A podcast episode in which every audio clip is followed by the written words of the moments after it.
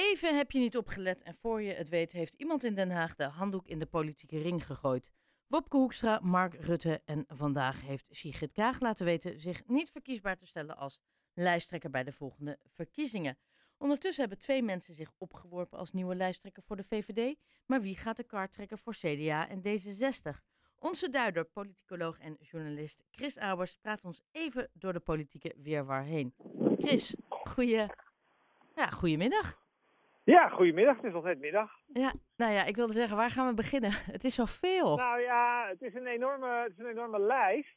En ik zat, ik zat te wachten op dit uh, telefoontje. En toen zag ik dat Liane de Haan ook opstapt. Ja. Dus uh, die is, niet, niet dat dat nou zo de bela- belangrijkste persoon in Den Haag is. Maar die is het kennelijk ook. Uh, stad. Dus ja, we krijgen een enorme, een enorme personele Liane de Haan is van de seniorenpartij, hè? Liane de Haan is die mevrouw die lijsttrekker was van 50 plus. Ja. Uh, afsplitste en die is toen de eigen partij. Ja, Partij de. Haan is het nu. Sorry, ze hoorden bij. Nee, het is, nee, het is fractie de Haan. Ja, Oh, dit sorry. is ook leuk, want dit is dus voor mensen niet te volgen. Waarom heet is het? fractie de Haan Ja. en de partij heet Goud. Oh, ja, ik laat deze. Maar, maar Ja, oké, maar Liane die. die al niet meer, ja. ja, dat was Liane. Ja. Maar goed, het, allereerst, hè, het kabinet viel vrijdag. ja. Wa- Ja. eh, Kwam het voor jou geheel onverwacht of hield je er rekening mee? Nou ja, kijk, we wisten natuurlijk wel dat er natuurlijk heel veel dossiers waren waar het natuurlijk mis zou kunnen gaan. Dus ik bedoel, we hadden, de, we hadden dat gedoe met die toeslagen waar steeds een gezeik over was. Ja. De corona-enquête, ja, die ging dan voorlopig even niet door. Nou ja, Groningen had mis kunnen gaan. Eh, stikstof kan natuurlijk nog steeds fout gaan. Klimaat kan fout gaan. Dus ja, ik bedoel, zoveel onderwerpen waar die partijen natuurlijk toch niet helemaal met elkaar eens zijn. Dat het niet zo gek is dat het natuurlijk op een gegeven moment een keer klapte. Ja. Ik denk ook niet, wat natuurlijk ook een beetje is, en dat is een beetje een algemener punt. Kijk, een, een kabinet wat twee keer dezelfde samenstelling heeft, dat gaat over het algemeen valt dat de tweede keer. Oké. En ze hebben ook wel hele andere standpunten, hè? Nou ja, dat, ja, nou ja Op asiel? zeggen, kijk, deze, bijvoorbeeld op asiel, dat is natuurlijk wel een mooi voorbeeld van D66 en ChristenUnie vinden natuurlijk toch, ja, ik wil niet zeggen dat je de grens open moet zetten, maar die vinden wel dat je eh, ruimhartig Ja. moet zijn in het toelaten van mensen. Ja, en de VVD die voelt natuurlijk zoveel, en het CDA ook, die voelt zoveel partijen in zijn nek hijgen. Die Ja. willen dat, er, dat, er meer, dat het strenger wordt. Dat het niet zo gek is dat dit natuurlijk vroeg of laat eh, knapt. Ja. Nee, Ehm, ja. En dan maandag besluit Rutte ineens niet meer terug te keren in de politiek, terwijl hij vrijdag nog zei dat hij het wel ging doen. Wie Nou, heeft hem hij gebeld? Niet helemaal. Nou, hij heeft natuurlijk niet helemaal gezegd dat hij het wel ging doen. Hij ging nadenken Ja. en hij voelde er nog wel wat voor. Ja, Ehm, maar ja, kijk, als je natuurlijk geen nee zegt, hè, dan moet je ja zeggen. Dus dan moet je zeggen van, nou, ik voel er wel wat voor. Maar dat betekent natuurlijk niet zo verschrikkelijk veel. Ehm, kijk, het lijkt mij heel simpel. Ja, er is natuurlijk een soort verhaal over dat Kaag hem gebeld zou hebben. Hè, en dat ze die motie van wantrouwen zouden gaan steunen als hij niet op zou stappen of iets in die geest. Maar waar het natuurlijk om gaat is dat er heel veel partijen zijn in Den Haag die gewoon geen zin hebben om met hem samen te werken. En een hele belangrijke is BBB. Die zeggen natuurlijk van we willen wel met de VVD samenwerken, maar niet met hem. Nou, als jij straks een rechtskabinet wil hebben, dan denk ik dan zal BBB met deze peilingen er wel in zitten. En de VVD ook. Dus dan kan dat met meneer Rutte niet. En je kunt je natuurlijk ook afvragen, zo'n man heeft meer dan twaalf jaar dit gedaan. Of het niet op een gegeven moment ook gewoon heel gezond is om te denken van nou, ik vind het wel mooi geweest. moeten wij niet doen wat, we in, wat ze in Amerika hebben? Na twee termijnen is het klaar? Nou, dat vind ik eigenlijk wel. Tenminste, nou ja, twee termijnen weet ik niet zeker, maar... Kijk, nou, dat is acht natuurlijk jaar, hè? Ja, maar het kan natuurlijk een keer tussentijds, tussentijds Nee, oké, maar bij wijze van spreken in ieder geval niet langer dan die twee termijnen. Ik vind dit zo lang. Nou, ik vind, ik zit niet die twee termijnen, weet ik niet zo zeker. Maar wat ik wel weet, is, is dat die laatste termijn van Rutte, hè, dus uit dit kabinet, Ja. ja. daar waren we natuurlijk eigenlijk vanaf de allereerste dag al niet meer enthousiast over. Dus ik bedoel, dit was natuurlijk eigenlijk een kabinet te veel. Hij had beter eh, dit kabinet aan iemand anders kunnen laten. Maar Maar goed, slim dat hij er nu mee stopt. Dan heb je ook, een, heb je ook weer een positievere erfenis. Dat merk je nu ook wel. Ja, ja. Dus ik denk mensen ook wel van, hij heeft toch wel veel voor het land gedaan. En nou weer door met iemand anders. Het wordt ook wel een beetje tijd. Hebben mensen ook wel weer zin in.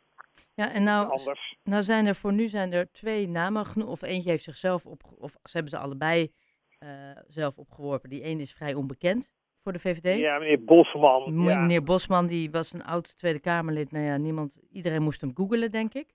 Ehm, Eh, ja. De meeste mensen, jij niet, maar de meeste mensen nee, ik, weet- ik wist wel dat deze man in de kamer had gezeten, maar ik weet verder ook niet zoveel van deze Nee. meneer. En de Eigenlijk helemaal niks. Nee, en, en maar dan eh, de gedoodverfde winnaar, Dylan Jezilgus, eh Ja, demissionair minister van Justitie.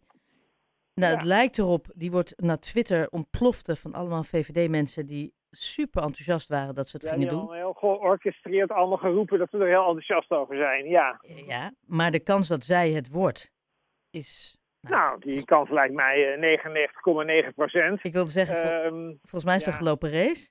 Maar gaat zij er straks voor zorgen dat, dat zij de grootste worden? Vind jij haar de perfecte persoon op de perfecte... Nou, ik weet het niet hoor. Kijk, er was natuurlijk heel veel behoefte aan een vrouw. La, hè, laten we daar eens even eerst, laten we daar eens mee beginnen. Ja. Ik bedoel, de VVD heeft natuurlijk nooit een vrouwelijke lijsttrekker gehad. Ik weet even niet zeker of ik dat helemaal goed zeg. Volgens mij heeft nooit, is er nooit een vrouw Nee, geweest. dit is de eerste. En daar hebben mensen natuurlijk nu een beetje, hè, dat, dat hoor je wel vaker, van wil nou eens een keer een vrouw. Nou, en wat natuurlijk het grootste probleem van de VVD is, is dat er bijna niemand wilde. Daarom. Want we weten hoe het afloopt met opvolgers van eh, premiers. Hè, met de opvolger van meneer eh, Lubbers, en de opvolger van meneer Kok en de opvolger van meneer Balkenende. Dat zijn allemaal geen succesnummers geweest. Dus dit is natuurlijk een hele ondankbare rol. Het is helemaal niet zo gek dat een hele hoop zegt van nou laat, laat deze giftbeker maar aan mij voorbij gaan. Ja, mevrouw Jezilgus is de enige die het wil doen. Nou ja, eigenlijk zouden we er bewondering voor moeten hebben dat ze het durft.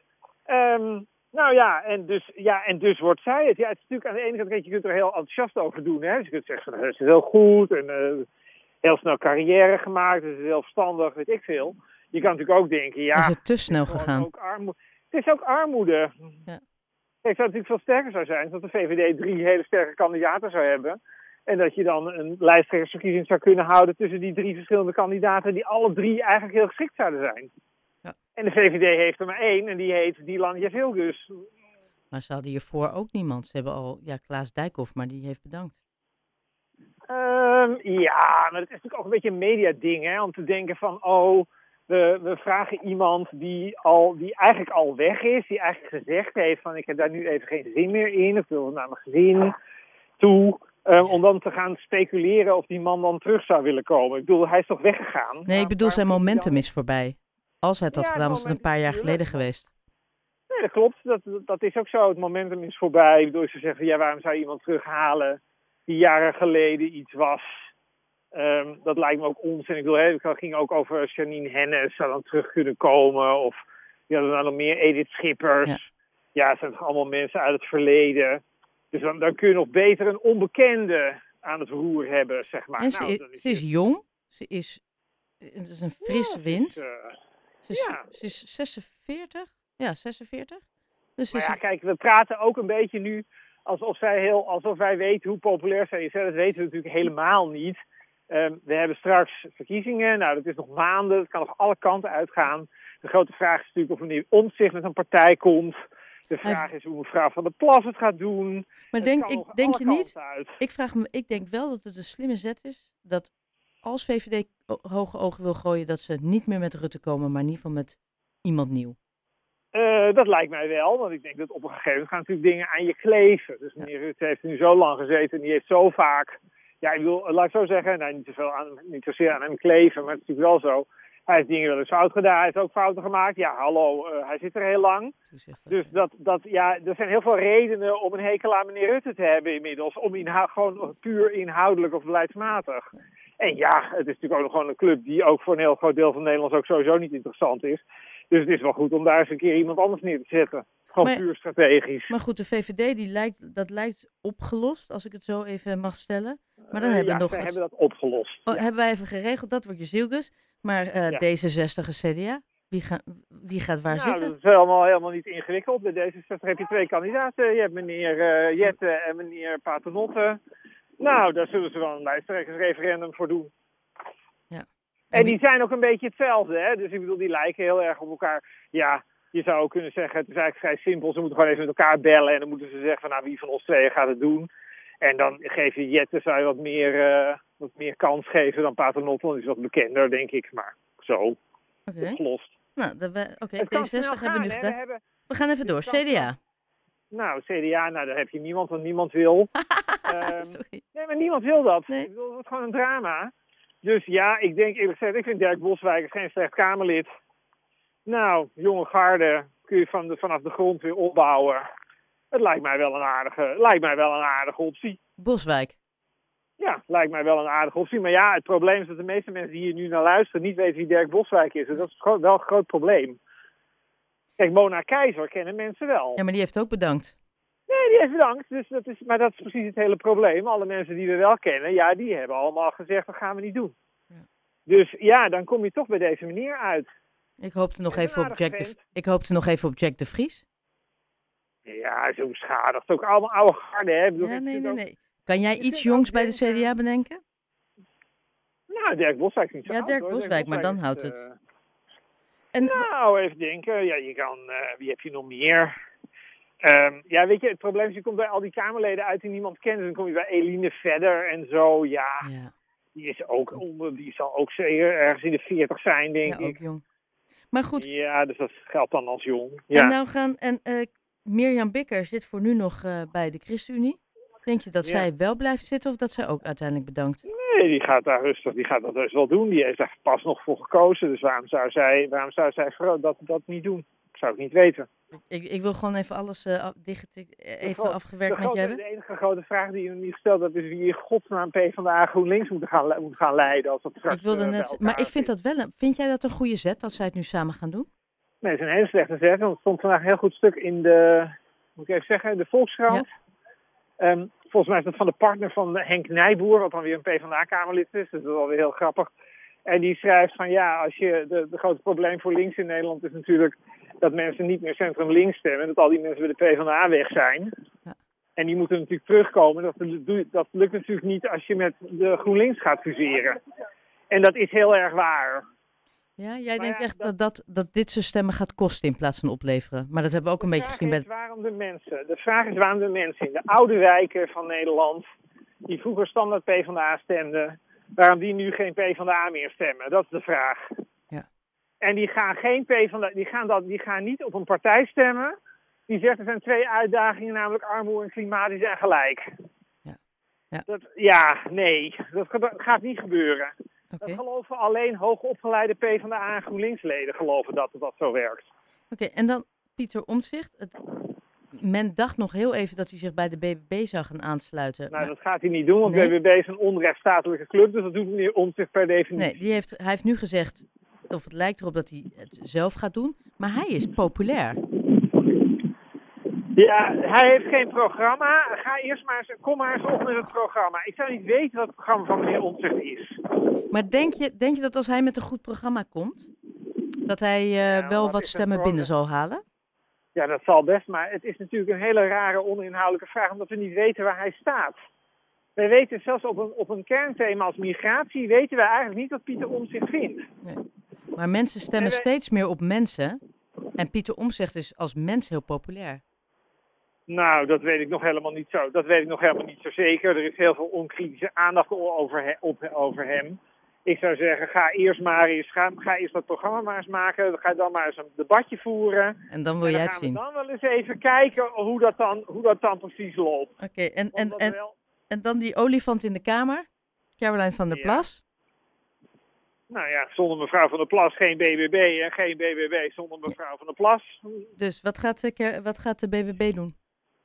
Nou, dit wordt waarschijnlijk, dat zou wel eens de grote partij van het land kunnen worden, want het is namelijk aanspreekbaar. Ze heeft humor en ze heeft voeling met gewone mensen. En dat hebben de meeste mensen die wij tot dusver besproken hebben, hebben dat allemaal niet.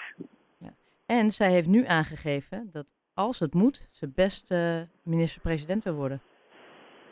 Ja, nou, dat, dat is gelukkig in Nederland geen zware rol, dus dat zal, Nederland zal niet eh, in, eh, in stukjes uiteenvallen. Als Maar hou je daar rekening mee?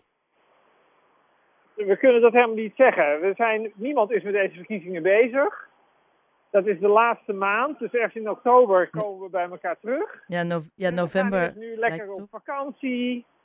Mensen gaan eerst weer eens even naar een belastingaangifte kijken. Het hangt er vanaf hoeveel mensen er voor de deur staan bij de grens. Allemaal van dat soort dingen. Of er Dat- nog een crisisje uitbreekt in de, breekt in de tussentijd. En dan pas gaan mensen echt kijken op wie ze gaan stemmen. Dan En, gaan wij eens denken. Dus, en op dit moment, het klopt, op dit moment zien de mensen mevrouw van der Plas heel vaak op de televisie. En ze vinden mevrouw van der Plas vaak heel leuk. Dat klopt. Ik ben Maar wel... is, Ik, het ik kan vind, alle kanten uit Ja. nog. Oh. hoe, hoe kijk jij, vind je, ik vind dit wel, ik vind dit heel interessant hoe dit allemaal nu loopt. Jij? Eh, nou, ik, ben, ik moet zeggen dat ik het eigenlijk helemaal niet zo interessant vind. Omdat ik denk, het zijn heel veel partijen die allemaal ongeveer hetzelfde vinden. En het zijn heel veel mensen die weglopen. En daar krijgen we dan allemaal mensen voor die we eerst nog eens moeten leren kennen. Nou, ik ben wel benieuwd wie die mensen Nou, dat zijn. ik, ik ben wel benieuwd, wie gaan nu die plekken, de helft van de stoelen staat straks op eh, Marktplaats. Wie gaat ze innemen? Ehm, ja, dat is, wel, dat is wel zo. Maar echt heel nieuw wordt het natuurlijk allemaal ook Nee. niet. Want mevrouw Jesselgus kenden we al. En we kennen meneer Boswijk al. We- dus het is ook niet, het is ook, we moeten ook niet doen alsof het allemaal zo nieuw is. maar het kan wel Oh, zorgen, nee. Even, nee, eh, eh, nou, het is niet nieuw, maar het zijn ineens wel allemaal nieuwe leiders bij elkaar. Het kan wel zorgen voor weer een beetje oemf. Nou ja, kijk, je zou kunnen zeggen als je de debatten van 2021 bekijkt. En je kijkt straks naar de debatten van 2023. Dan zie je wel heel veel andere koppen. En dat is wel interessant natuurlijk op zich. Ja, dat Het is minder voorspelbaar geworden. Weer eens wat nieuwe geluiden in de Tweede Kamer. Eh, Chris, wij, eh, bellen in, eh, wij bellen weer. Wij, bellen in oktober verder. ik wilde net zeggen, heel erg bedankt voor deze toelichting. Journalist en politicoloog Chris Alberts, dankjewel. Doeg!